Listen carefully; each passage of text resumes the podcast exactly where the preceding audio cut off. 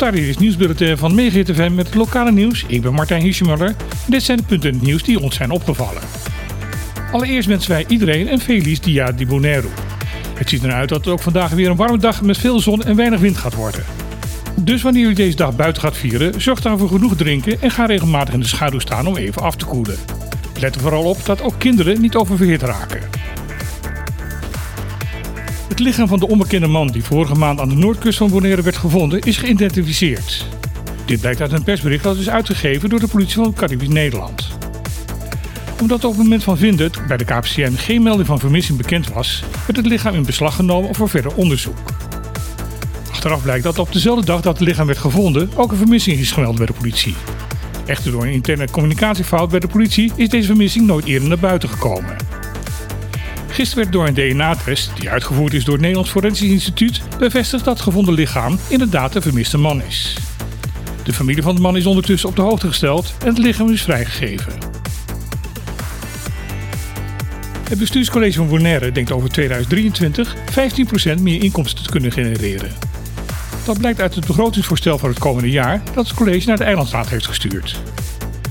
Deze verhoging van de inkomsten tot 72,6 miljoen wordt vooral veroorzaakt door de hogere opbrengst van de nieuwe toeristentax en de verhoging van de zogenaamde vrije uitkering. Het geld dat de overheid van Bonaire krijgt uit Den Haag, dat naar eigen inzicht van het bestuur kan worden uitgegeven. Ondanks deze verhoging denkt het bestuurscollege meer geld nodig te hebben dan daar binnen gaat komen. Dit tekort wordt gerouwd voor volgend jaar op iets minder dan een miljoen. Het bestuurscollege denkt dat er in de jaren daarna wel een sluitende begroting opgesteld kan worden. Armoede bestrijden en het opzetten van twee nieuwe scholen en het opknappen van de wegen zijn de grote posten op de nieuwe begroting. Verder wordt er rekening gehouden met investeringen voor een nieuwe containerhaven. Ook is er geld gereserveerd voor een voorlichtingscampagne en een handhavingsprogramma voor dierenwelzijn. De Engelsstaat zal binnenkort over de begroting gaan debatteren. De Belastingdienst van Caribisch Nederland is met een betalingsregeling gekomen voor ondernemers die tijdens de coronacrisis een belastingsschuld hebben opgebouwd. De bedoeling is dat de ondernemer vanaf 1 oktober de schuld met maandelijkse termijnen gaat aflossen. Op deze manier moet dan de schuld uiterlijk op 1 oktober 2027 zijn vereffend. Mocht dit echt niet mogelijk zijn, dan kan er in overleg met de Belastingdienst een andere betalingsregeling getroffen worden. Voorwaarde voor de regeling is dat gedurende de looptijd van de aflossingen de ondernemer zich aan alle andere verplichtingen aan de Belastingdienst blijft houden. De Belastingdienst benadrukt verder dat de ondernemer over de opgelopen schuld ook rente zal moeten gaan betalen. Op Bonaire wordt erover gepraat op Saba gaan schoon doen. Gisteren is op het kleinste eiland binnen de BES een pilotproject gestart voor openbaar vervoer. Gedurende deze proef kunnen bewoners van Saba gebruik maken van de bus om zo gratis tussen huis en werk te kunnen reizen. Op deze manier hoopt de overheid van Saba een bijdrage te kunnen leveren aan de armoedebestrijding op het eiland.